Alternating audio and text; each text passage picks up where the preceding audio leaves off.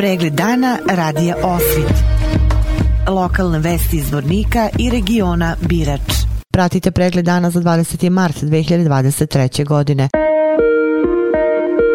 U Zvorniku neće nestajati električne energije novo je obaveštenje iz područja terenske jedinice elektrobijeljine u Zvorniku. Kako su javili, nađeno je tehničko rešenje koje omogućava da se obave radovi na izmeštanju dalekovoda bez isključenja trafostanice koje snadbevaju grad strujom. Zvorničani mogu očekivati povremene kratke prekide struje, a više satnog nestanka električne energije neće biti. Na način kao i danas biće premošteni radovi sutra i preko sutra. Na ovaj način, bez obzira na najavu, sada je objavljeno da će biti biti uredno snadbevanje električnom energijom i utorak i sredu.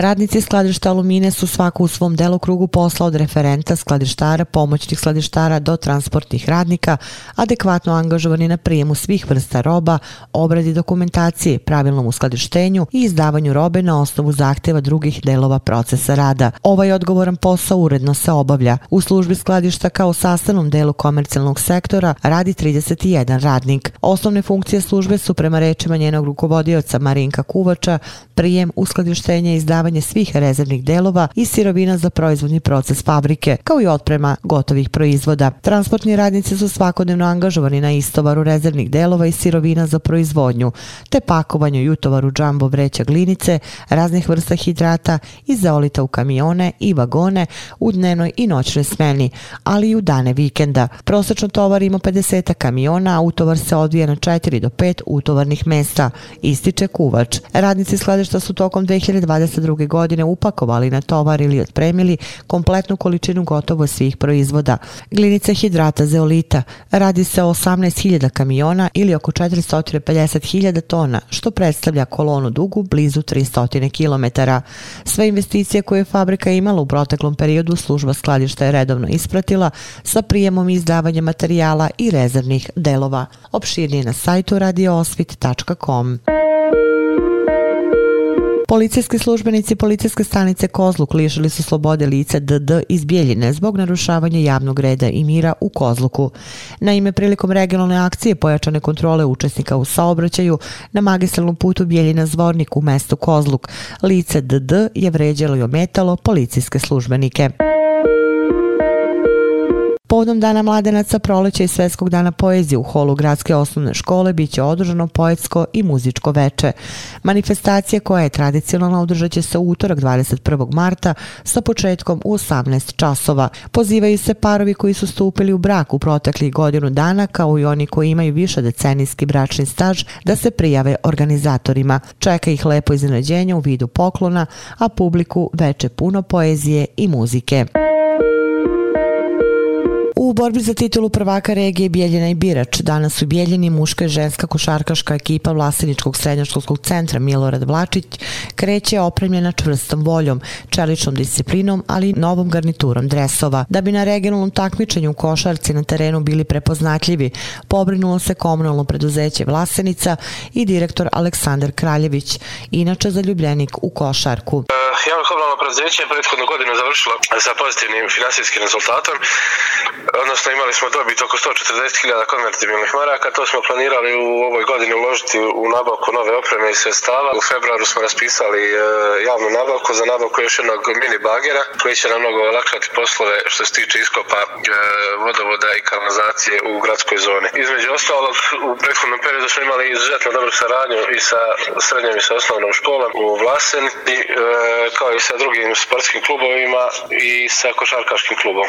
Donacija koje smo obezbedili u prethodnom periodu, to su ženska i muška garnitura za naše dječake i devojčice koji će se takmičiti ispred srednje škole Milorad e, Vlačić Lasenica na turnirima. Kupna vrednost e, opreme koju smo mi nabavili je oko 1000 maraka, 700 maraka je e, finansiralo preduzeće, a ostatak sam ja kao rukovodilac preduzeća finansirao iz svojih sredstava. U narednom periodu planiramo planiramo, kao što sam već rekao, nabavku još dodatne opreme i naravno planiramo saradnju da proširimo i sa drugim sportskim klubovima.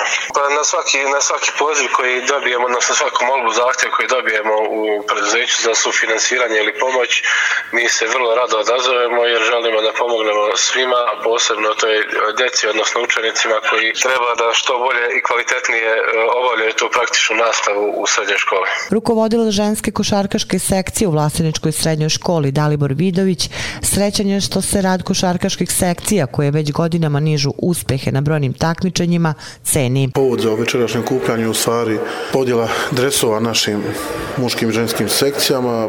Postoje ljudi u ovom gradu koji prepoznaju trud i, i, i rad naše djece, naših učenika koji su željeli da djeca reprezentuju ovaj grad u pravom svijetlu. Želim da se zahvalim javnom komunalnom preduzeću IKP iz Lasenice, njihov direktor Aleksandar Kraljević koji nam je kažem, prepoznao naš trud i rad i poklonio po garnituru dresova za obje sekcije. Pa svaka ekipa broji 12 igrača, znači po 12 dresova. Naš grad Lasenica već, odnosno ove godine, treću godinu, organizuje u turniru basketu vlasnica 3x3 Streetball i direktor javnog komunalnog preduzeća je jedan od organizatora tog turnira zajedno sa Davorom Golijanom i sa mnom koji, kažem, vodim ove, ove sekcije. Aleksa isto jedan zaljubljenik u, u, u košarku i prepoznaje šta je najpotrebnije našim učenicima. Ova generacija je jedna jako dobra generacija, prije svega djevojaka, pričat ću djevojkama jer vodim tu sekciju.